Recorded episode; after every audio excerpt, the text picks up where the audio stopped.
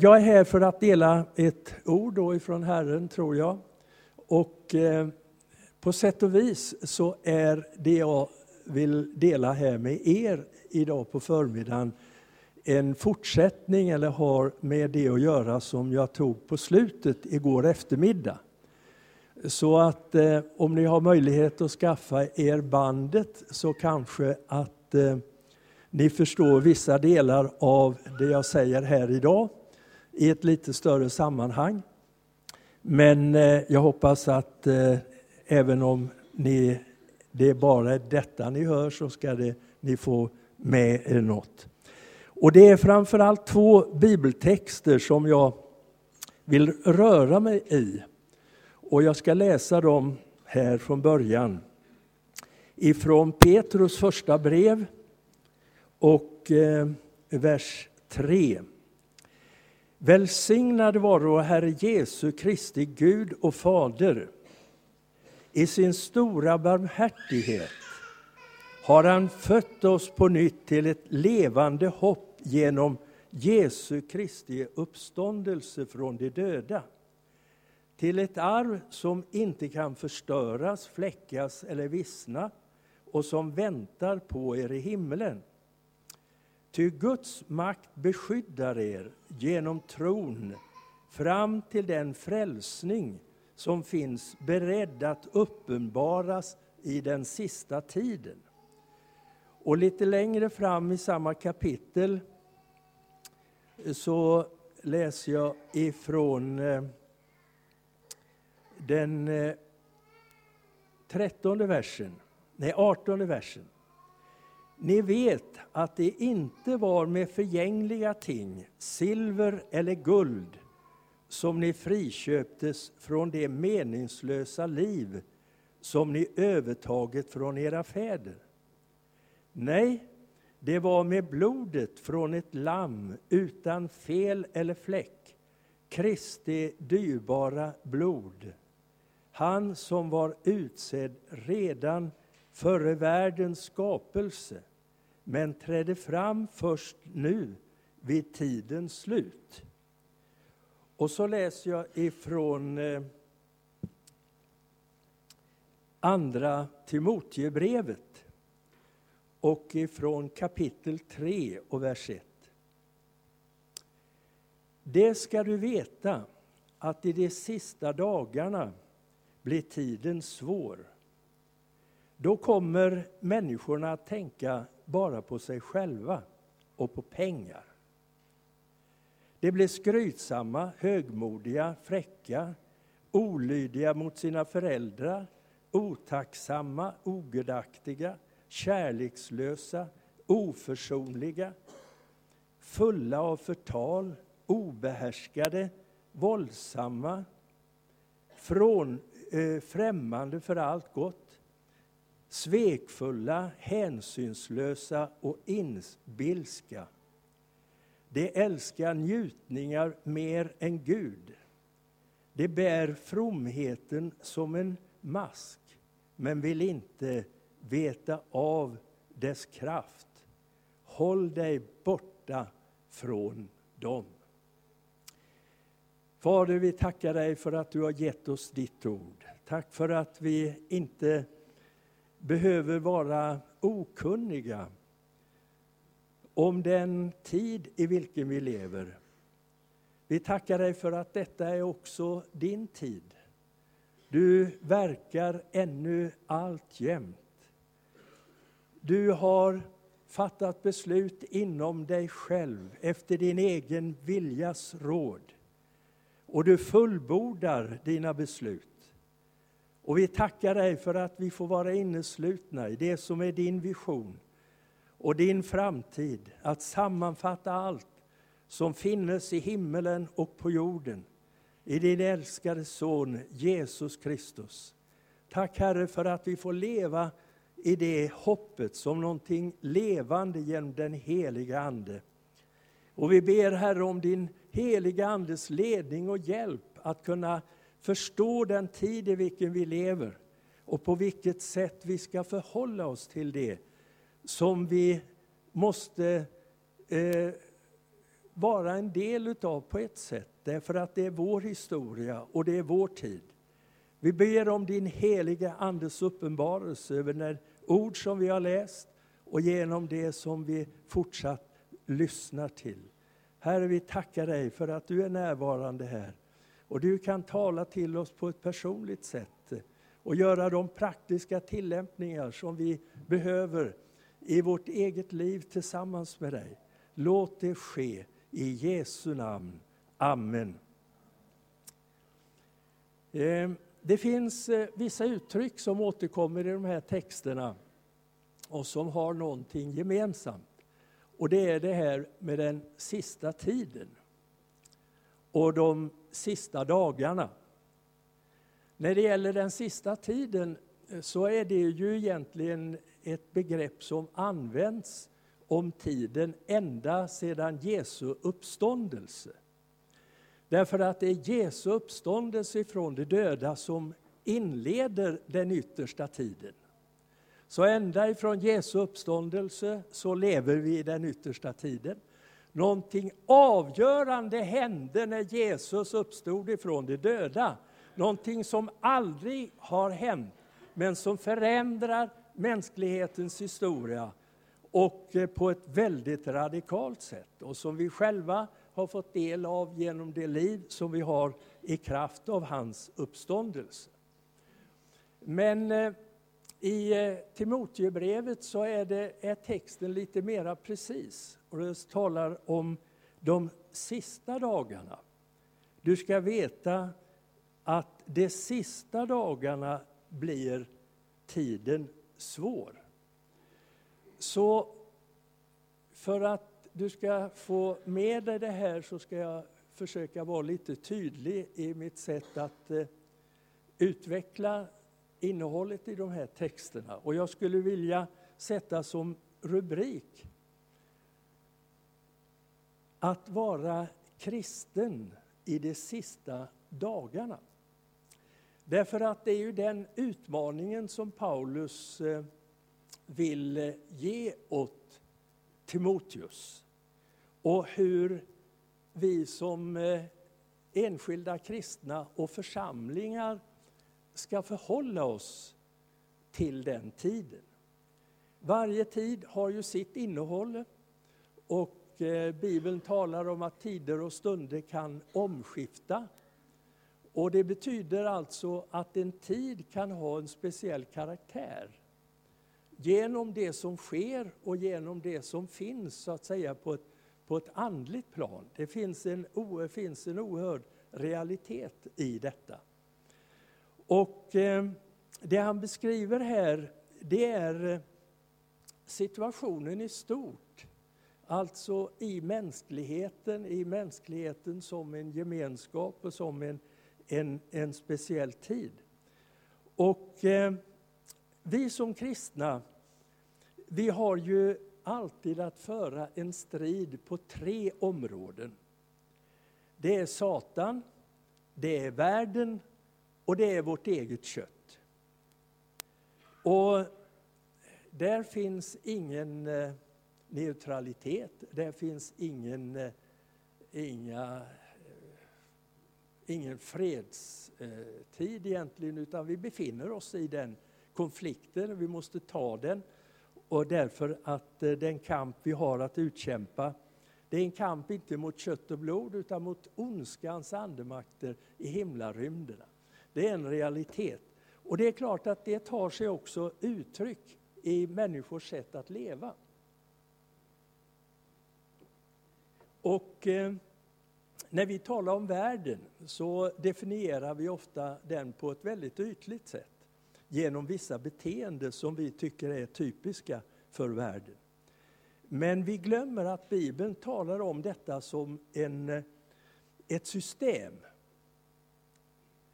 Eh, eller för att använda ett annat uttryck för det, som en kultur.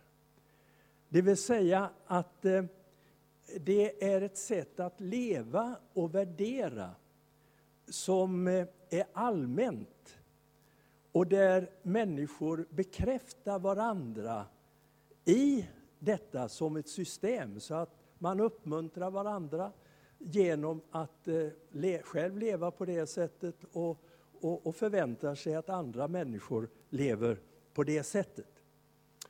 Och eh, eh, Paulus gör en sammanfattning av detta som jag tycker säger allt om innehållet i den kulturen som kännetecknar en mänsklighet som lever skild ifrån livet i Gud. Han säger så här, ni ska veta att i de sista dagarna blir tiden svår. Då kommer människorna att tänka bara på sig själva och på pengar. Det som sedan upprepas här, det är egentligen en utläggning över hur detta tar sig uttryck. Men i grunden så handlar det om själviskhet och eh, inte minst kopplat till ekonomi. Och eh, Paulus säger att eh, utvecklingen på det planet kommer att accelerera och vara mer och mer destruktiv. Paulus säger att eh, den här världsordningen, det här systemet, det är så korrupt i sig själv att det går mot sin upplösning. Eh, vi, har, eh, vi lever i en tid då det här får allt större, vad ska jag säga, utbredning. Alltså tidigare så levde ju människor lite mer isolerade i olika kulturer. Och eh, man var ganska begränsningar när det gäller att påverka varandra, att sprida idéer och tankar och, och beteendemönster. Idag lever vi i en globaliserad värld, säger man, men det har konsekvenser också på det här området. Därför att eh, ju fler människor som blir indragna i systemet och bekräftar varandra i det, ju mer destruktivt blir det. Det är ungefär som det kommunistiska systemet. Det som gjorde att eh, det blev så katastrofalt, det var ju det att det var ett enda system. Va? Och som man kunde styra från ett enda håll bara. Och därför så blev det så destruktivt för alla människor som så att säga innefattades i systemet. Och det tror jag kännetecknar den tid i vilken vi lever också. Att eh, eh det accelererar och den, eh, den beskrivning som Paulus gör här i Timoteusbrevet, Eh, det kommer att bli mer och mer uppenbart. Men då är frågan, vilka är vi då i förhållande till detta? Vilka är vi? Är vi en del av detta? På vilket sätt? Och har vi en möjlighet att distansera oss ifrån det här? Och behöver vi göra det och på vilket sätt sker det? Det är något av det som jag skulle vilja hämta upp ur de texter som vi har läst här.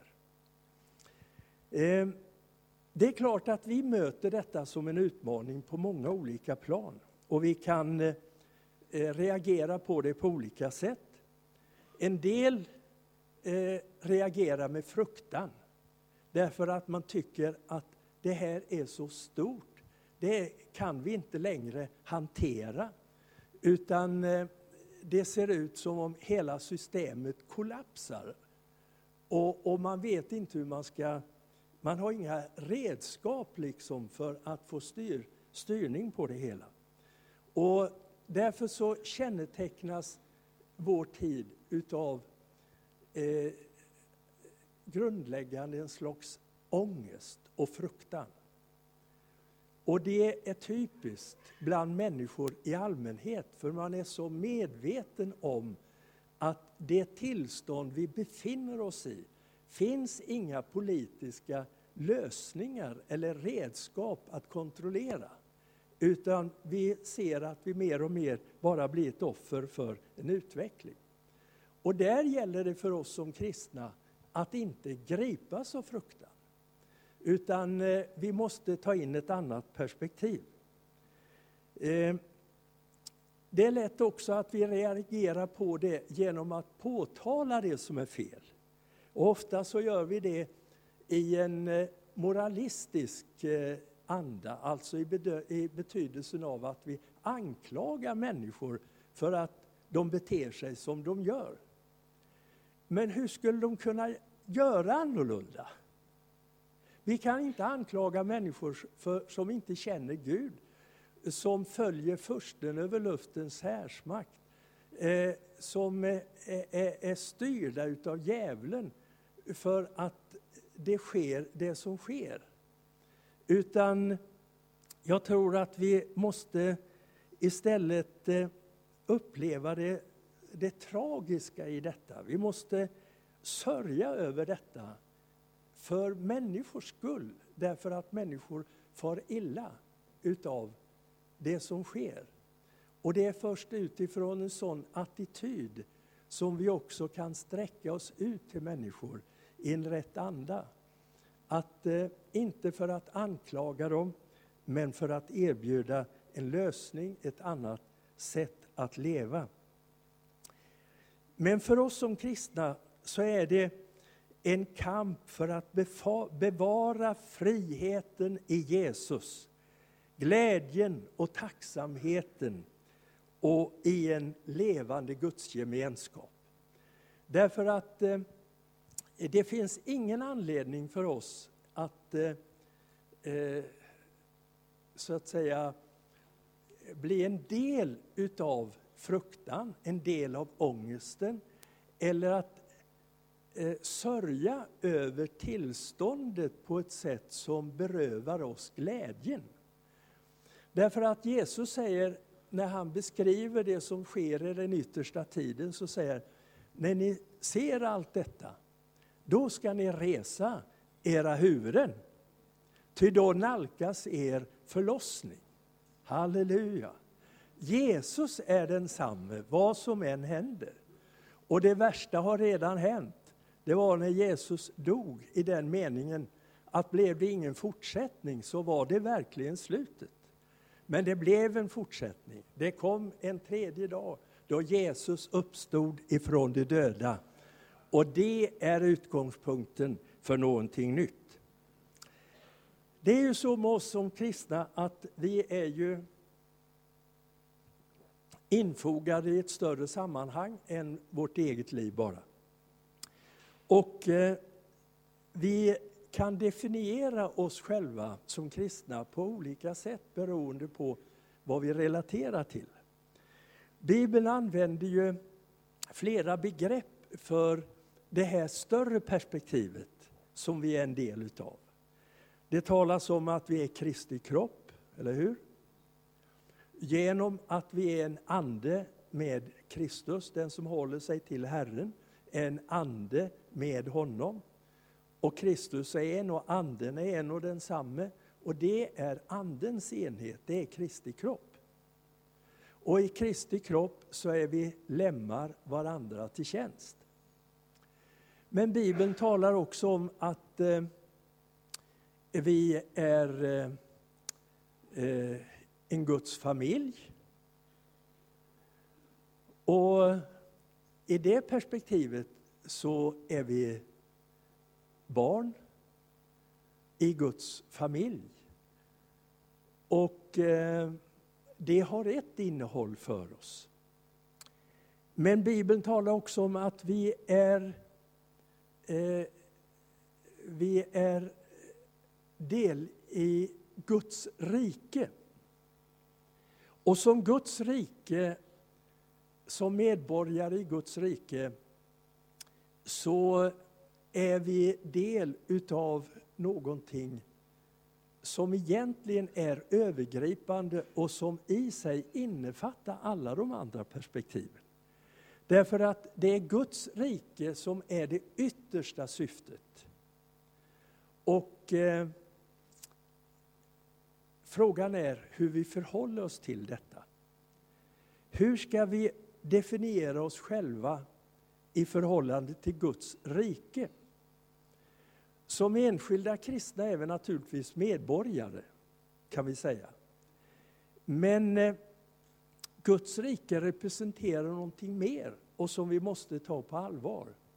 Därför att eh, om vi eh, tillhör ett rike så är vi också ett folk.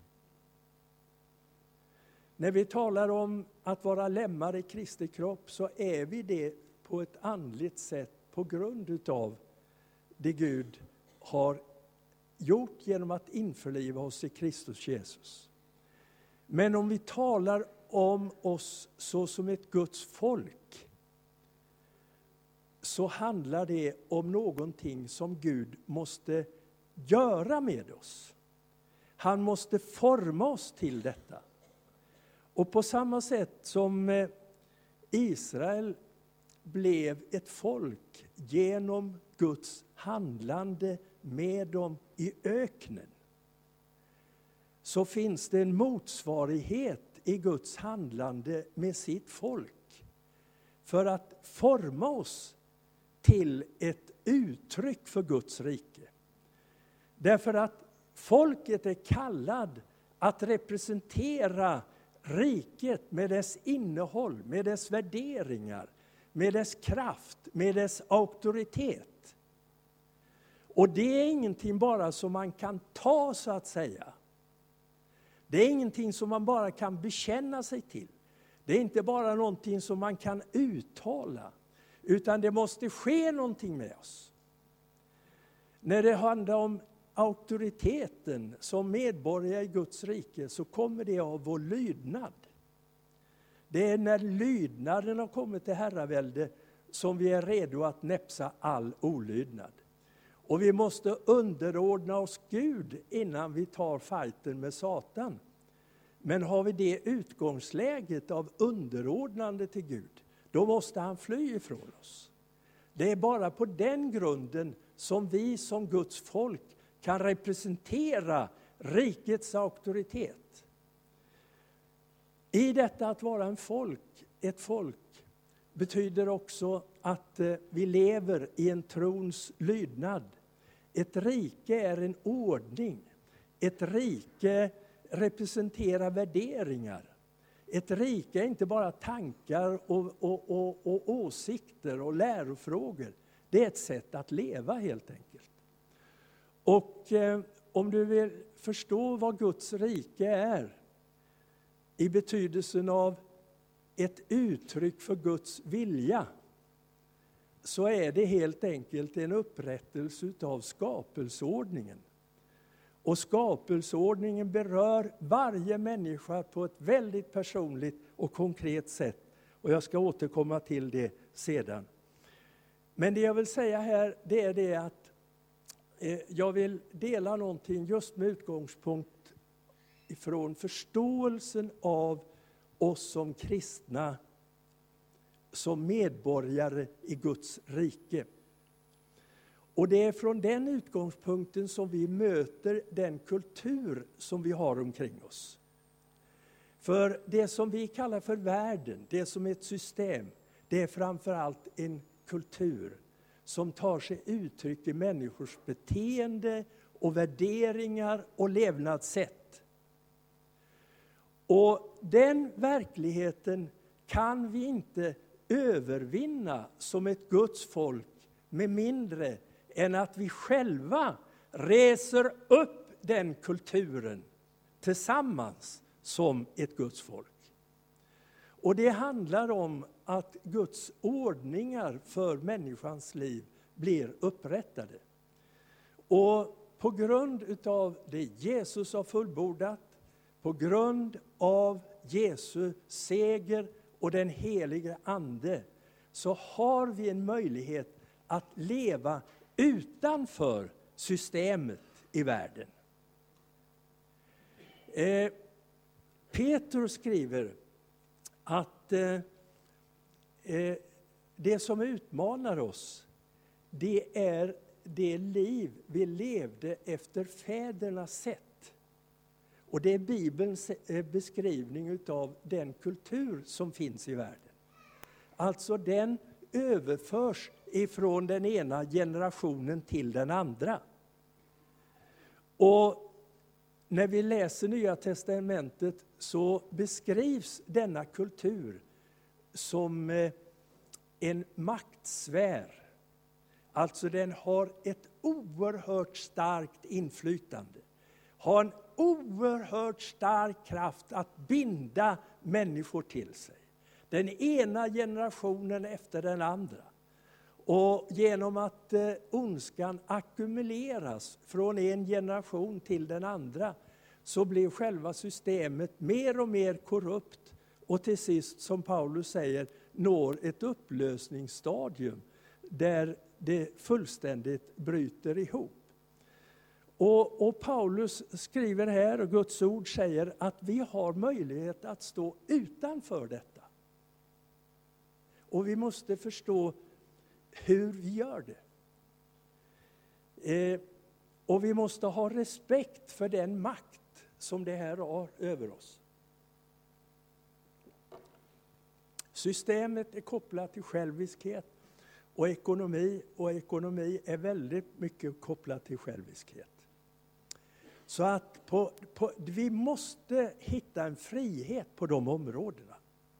Där vi inte är korrumperade utav systemet omkring oss.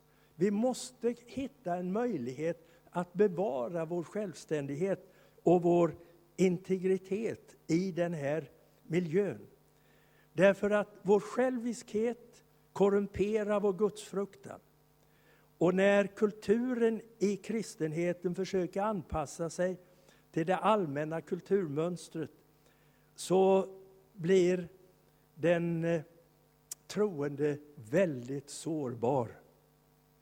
Lärostrider och debatter gör Gud till objekt istället för att utmana till kärlek, lydnad och tillbedjan.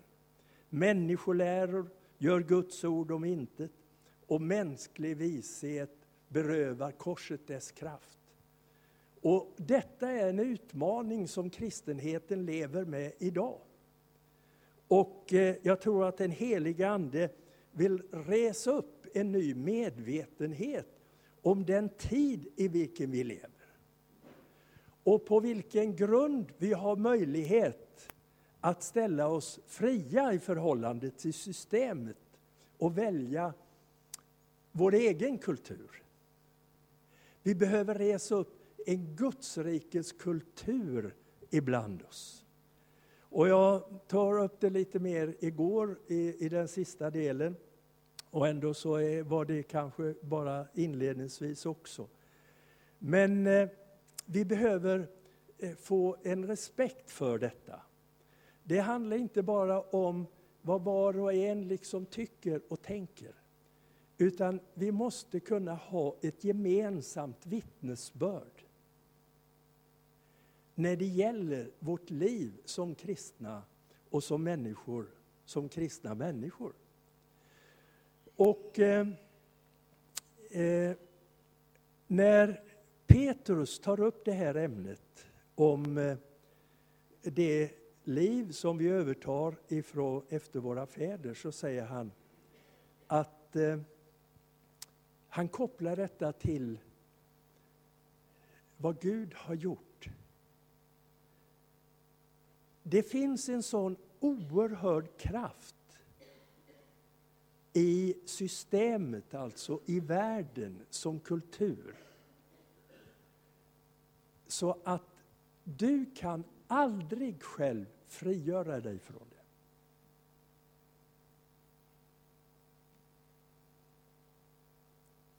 Det finns bara ett sätt. Och det är genom Jesu Kristi blod. Det är genom Jesu Kristi blod som vi har blivit lösköpta. Var då ifrån? Från det liv som vi levde efter fädernas sätt. Och det säger mig för det första att det finns en väldig kraft i det här systemet som vi kallar för kultur ute bland människor i allmänhet. Eftersom det bara är i kraft av Jesu blod som vi kan ställa oss fria.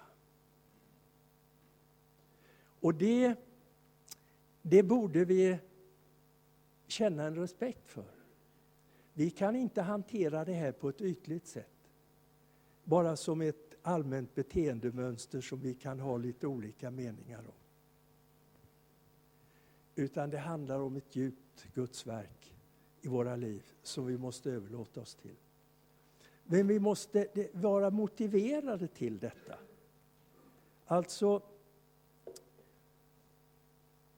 det handlar inte om att eh, vara överens i vissa trossatser. Det handlar inte bara om att eh, ha en viss enhet med varandra rent organisatoriskt. Utan det handlar om vad har vi för vittnesbörd grundläggande i vårt sätt att leva vårt liv. Därför att skapelseordningen är ju det genuina uttrycket för Guds vilja för människan och för den tillvaro som Gud satte människan i. Och det finns ett innehåll i detta ifrån början som frälsningen vill upprätta oss i. Därför att frälsningen är grundläggande inte bara att bli frälst ifrån helvetet eller att få våra synder förlåtna.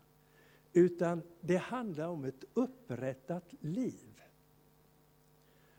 Och då är det, när det gäller mitt eget liv som människa, så har det naturligtvis en, en rent fysisk sida. Det har med vårt liv som man och kvinna, eller manligt och kvinnligt.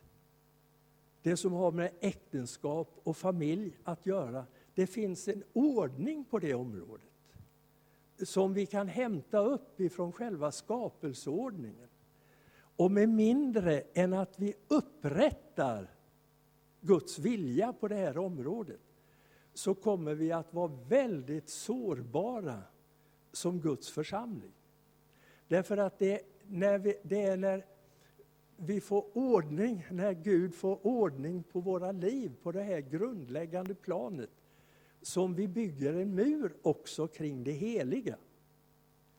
Därför att om, vi, om det inte finns någon ordning i våra liv som eh, människor i vårt eget liv, både med varandra och med Herren. Om vi inte har ordning i våra äktenskap eller våra familjer, eller om vi inte rätt, lever rätt i förhållande till vårt arbete och, och, och människor omkring oss, så blir vi sårbara. Och eh, när som helst så kan djävulen utnyttja den sårbarheten och slå rakt in i församlingen. Och ödelägga inte bara människors liv utan också skapa en eh, misstro mot det som vi representerar som kristna och i vårt förhållande till Gud, vår trovärdighet helt enkelt, som Guds församling. Och därför så behöver vi ta det här på allvar och att bygga en kultur på det området som har med människans grundläggande eh, villkor att göra. Det är, ett, det är nästan en reformatorisk uppgift idag. Därför att våra församlingar, vårt församlingsliv är nedbrutet på det här området. Och om vi ska möta de här sista dagarna med den kulturen som den representerar i det tillstånd vi befinner oss nu på det här området så det, då är vi väldigt dåligt rustade. Och därför så så, så behöver vi det är som det står, vi behöver söka Guds rike och hans rättfärdighet. Och rättfärdighet kopplat till Guds rike, det har med Guds vilja att göra. Det finns en rättfärdiggörelse på grund av Jesu blod som vi kan tillräkna oss, som Gud tillräknar oss. Men Bibeln talar också om rättfärdighet i betydelsen av att Guds vilja sker. Och det är kopplat till Guds rike. Guds rike kommer inte med mindre än att Guds vilja sker. Därför att det är själva definitionen på Guds rike.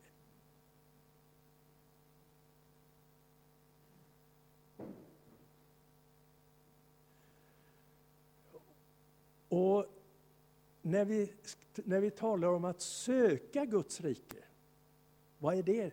Det är att förstå vad som är Guds vilja. Och Paulus säger, lär er vad som behagar Gud. Inte av fruktan, inte av eh, eh utifrån detta att rättfärdiggöra sig inför Gud, liksom så man skulle kunna bli bättre men vad Gud har behag till. Betyder det någonting för dig att ditt liv är en glädje för Gud? Betyder det någonting för dig att eh, Guds vilja kommer till ett uttryck genom ditt liv? Det är liksom den attityden som Gud vill att vi ska ha. Och eh, Som eh, församlingspastor och när, eh, när vi gick in i ett nytt initiativ som jag lever med nu så hade jag, levde jag ju väldigt starkt med detta att eh, vi ville liksom resa upp den här ordningen och söka efter vad, vad, vad är Guds rikes kultur? I betydelsen av att vi bekräftar varandra i vårt sätt att leva som kristna. Förstår du vad jag menar? Liksom inte bara detta att var och en lever i sin värld med sina tankar och uppfattningar om hur saker och ting är. Utan att det finns någonting grundläggande när vårt sätt att leva som människor som, eh, och, och i gudsfruktan och, och, och så som medborgare i Guds rike som vi har en gemensam medvetenhet om förståelse av. Därför att det är på det sättet som en kultur reses upp. Och det är bara när församlingen representerar detta som en kultur som vi kan överföra det från en generation till en annan. Och eh, det här är en process. Frälsningen, det är ett ögonblicksverk. Det är att jag gensvarar på Guds kallelse. Jag blir frälst, jag blir ett Guds barn. Men det är ju bara början. Att resa upp en gudsfruktan och en, eh, eh, eh Guds vilja som ett uttryck för Guds rike, det är en process. Och vad betyder det? Jo, det gäller att värdera det som händer i ett större perspektiv. Alltså, vad händer på längre sikt om vi tillåter detta? Om vi tillåter oss det här? Jag ska ta en, en bild. Det är en, det är en sån där eh, underfundig judisk historia. Du vet att mycket av den judiska teologin är ju berättelser. Alltså istället för att vara dogmatiska i sin sätt att beskriva vad man tror så berättar man historia. Och hela Israels historia är ju, det är ju teologi, va? på ett sätt. Det är folkets liv med Gud. Men nåväl, de har ofta sådana där underfunniga historier för att förklara saker. Och en historia är på det här sättet. Det sitter två judar på en parksoffa. Och eh, som de sitter där så kommer en man och går förbi. Men så stannar han plötsligt upp inför de som sitter på pankbänken. så vänder han sig till en utav dem. Och så säger, frågar han, vad är klockan?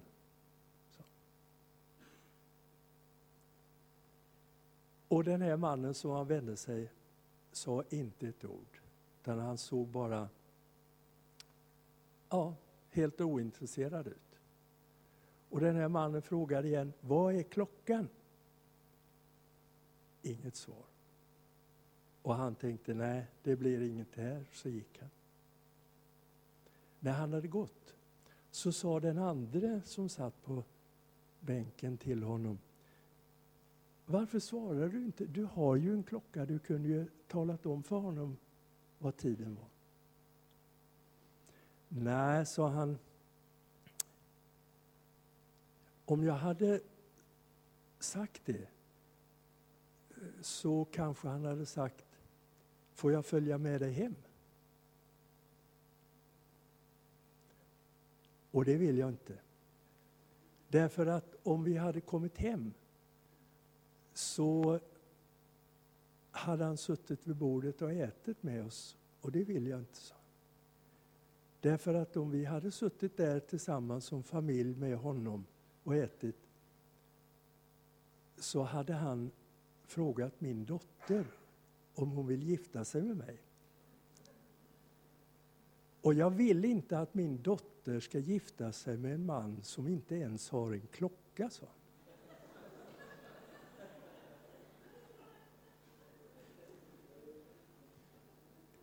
Men poängen i historien, det är det att han värderar konsekvenserna av ett första beslut om man tänker sig fortsättningen.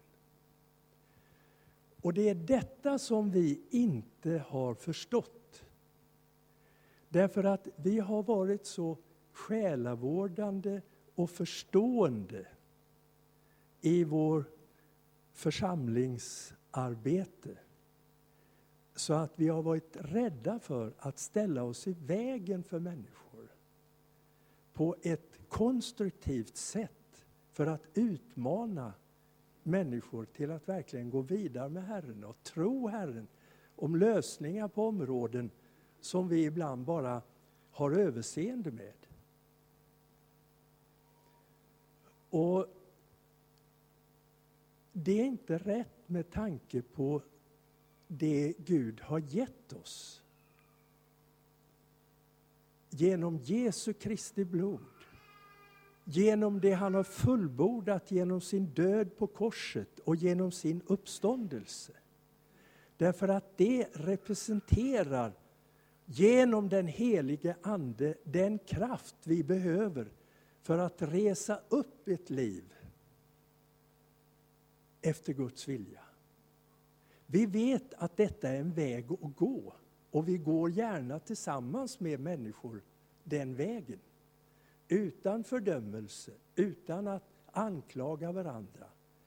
Men för att kunna betjäna varandra så behöver vi ibland ställa oss i vägen för någon. För att konsekvenserna av det som är just nu, längre fram, kan bli förödande. Förstår du vad jag menar? Och eh, där behöver vi idag resa upp alltså en gudsrikeskultur i våra församlingar. Att verkligen få tro för att Gud kan resa upp ett vittnesbörd om vad Guds rike representerar. Av kraft, av härlighet, av eh, ett meningsfullt liv. Endast kraften i korset ställer oss fria att göra Guds vilja. Endast genom att göra anspråk på att vara korsfäst med Kristus kan frigöra oss från egenlivets krav. Endast genom att vara korsfäst med Kristus får vi den brandvägg mot världens kultur som vi behöver. Paulus säger, jag är korsfäst för världen och världen är korsfäst för mig. Vad betyder det? Världen säger, vi betyder ingenting. Och vi säger, världen betyder ingenting för oss. Allt har jag i Kristus Jesus. Och eh, på den grunden finns det en kraft att, eh, att eh, ta emot detta, att leva med detta som en process i församlingen. Jag menar inte att det finns någon fullkomlighet som vi kan uppnå i det avseendet. Men Gud vill att vi hela ska, tiden ska vara på väg och vara på väg åt rätt håll. Därför att det är det vittnesbörd som vi har tillsammans på det här området som också blir en stöd och en hjälp för människor som annars enskilt är sårbara i förhållande till det tryck som finns ifrån världens sida. Församlingen borde vara en, eh, höll på att säga, en, en, en fristad i många avseenden.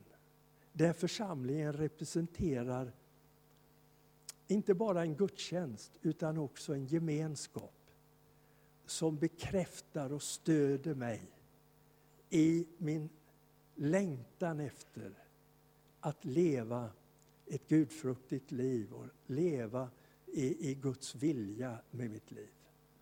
Och jag tror att det är vad Gud vill resa upp.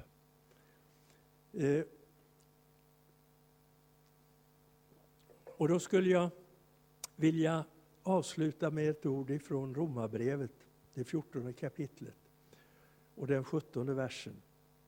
Där står det så här, Guds rike består i rättfärdighet, frid och glädje i den heliga Ande. Och om man eh, komprimerar innehållet i den där texten så kan man säga att Guds rike består i den heliga Ande, eller hur? Och det som finns emellan det, det är innehållet. Men det som omsluter det så att säga, det är den helige Ande. Idag så är begreppet Guds rike, det är ganska ogripbart för många. Därför att man tänker bara eskatologiskt, alltså man tänker på Jesu tillkommelse, man tänker på tusenårsriket, man tänker på när riket en gång, eh, om vilket det heter att Gud blir allt i alla. Men på vilket sätt är Guds rike tillgängligt för oss som en möjlighet? För den representerar ju en, en, en, en, en närvaro också. Och just genom den helige Ande så är Guds rike närvarande och tillgängligt. Och eh, i den helige Ande så kan vi få kraft att göra Guds vilja. Gud kan forma oss genom den helige Ande i en process av liv, av överlåtelse, av eh, växt och mognad i vårt liv med Herren. Och vi skulle behöva uppmuntra varandra mycket mer på det här området när det gäller att sträcka oss efter möjligheterna här. Och inte bara eh, liksom eh, glida undan och säga ja, man är väl inte mer än en människa. Nej. Men egentligen så har du ett helt annat utgångsläge tillsammans med Jesus och den helige Ande. Och jag skulle vilja både ha en bön om att, att den helige Ande bara skulle uppväcka en större längtan och medvetenhet på det här området som har med Guds rike och Guds vilja och Guds ordningar att göra när det gäller människans liv. Därför att eh, skapelseordningen är ingenting sekulärt i den betydelse som om det skulle vara något eh, höll på att säga oandligt att vara människa eller att eh, leva i ett äktenskap och en familj eller att jobba med någonting för sin försörjning. Det finns en andlighet i detta. Det finns en härlighet i detta som den heliga Ande kan för, förlösa.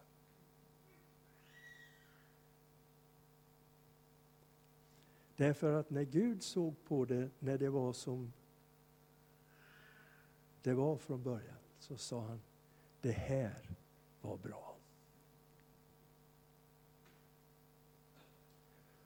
Och det innehållet återstår fortfarande för oss att erövra. Och det som står i vägen, det är som Paulus beskriver här, det är själviskhet. Och ett område som Gud kan använda för att bryta vår själviskhet ligger just på det ekonomiska området. Därför att där har vi ofta vår trygghet. Och jag ska inte gå vidare in på det, men det är en nyckelfråga för oss idag. Därför att ekonomin har fått en så dominerande plats i människors tänkande och intressesfär alltså. Att vi som kristna också är indragna i det här. Och det vi behöver lära oss utifrån skapelseordningen, det är att förtrösta på Gud som vår försörjare. Det betyder att vi inte längre har vår trygghet i vår ekonomi, utan i Gud. Och det här har ju också att göra med eh, församlingens möjligheter att arbeta, men framför allt är det ett område där helgelsen och frigörelsen i vårt liv som kristna behöver få ett nytt genombrott. Därför att eh, det här området är så typiskt för den kultur som vi är influerade utav runt omkring oss. Att frigöra oss ifrån vårt beroende av pengar för vår trygghet det är en eh, helgelsens väg till frihet. Och eh, låt gärna Gud utmana dig på det området. Både genom att eh, ge Gud vad Gud tillhör, tiondet, det gör ju Gud faktiskt anspråk på som sitt. Om du läser Malaki. Även om han eh, vädjar till dem att ta ansvar där så är det ju ändå så att han säger att det där är ju mitt egentligen. Och, och, och får jag inte det så har ni tagit någonting från mig. Men sen finns det ju en utveckling på det området som heter sådd och skörd. Och det är någonting mycket mer. Och där kan du växa hur, hur mycket som helst. Och du kommer att se att det fungerar. Så har du dålig ekonomi så börja så på det här området. Och eh, förtrösta på Gud för dina behov. Och lita inte till de resurser som du själv skapar. Jag tog upp det här igår något och, och, och jag ska inte fördjupa mig mer i det. Men summan av det jag skulle vilja dela här idag, det är vi behöver förstå oss själva och vårt eget liv i förhållande till Guds rike. I jämförelse med den plats som det här ämnet har i Jesu undervisning och apostlarnas undervisning är detta ett oförlöst område i församlingen idag. Det är sällan du hör en predikan om Guds rike.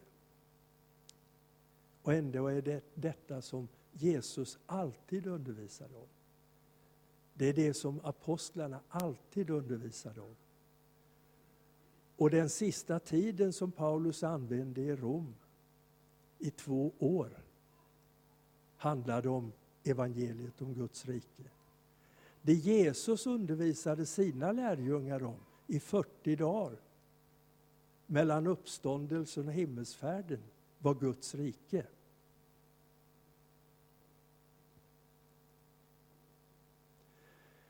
Men just därför att det gör anspråk på vår lydnad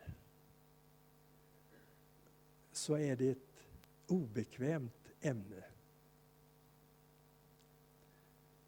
Men Paulus kände som sin kalle och sin uppgift att resa upp detta. Romarbrevet talar han om att resa upp trons lydnad bland hedningarna. Och det apostlarna och församlingsledarna arbetade med i förhållande till de kristna, det var just att resa upp det här livet i församlingen. Och eh, det tror jag vi behöver en renässans på. Och vi behöver det idag när många församlingar inte längre har tro för det de gör. Det finns en identitetskris, det finns en misstro och ett missmod idag som är förödande om det får breda ut sig. Men Gud vill en ny tid. Halleluja! Och jag tror att eh, den heliga Ande arbetar i den riktningen. Och jag gläder mig om att ännu en tid få vara med och se vad Gud gör på det här området. Men jag skulle vilja att du verkligen tar det som ditt bönämne. Herre, förhärliga ditt namn. Låt ditt rike komma. Låt din vilja ske, så som i himmelen, så på jorden. Amen. Fader, jag överlåter ditt ord åt den heliga Ande och det som du har velat tala genom det jag har fått dela, Herre, åt din heliga Andes fortsatta verk. befruktade i var och en så att det blir en växt av uppenbarelse och medvetenhet som bär frukt efter din vilja, Herre. Välsigna ditt folk på den här platsen, i den här stan, Herre. Att de skulle få bli ett, rike, eh, ett vittnesbörd om riket, om det tillkommande redan nu genom att din vilja sker. Amen.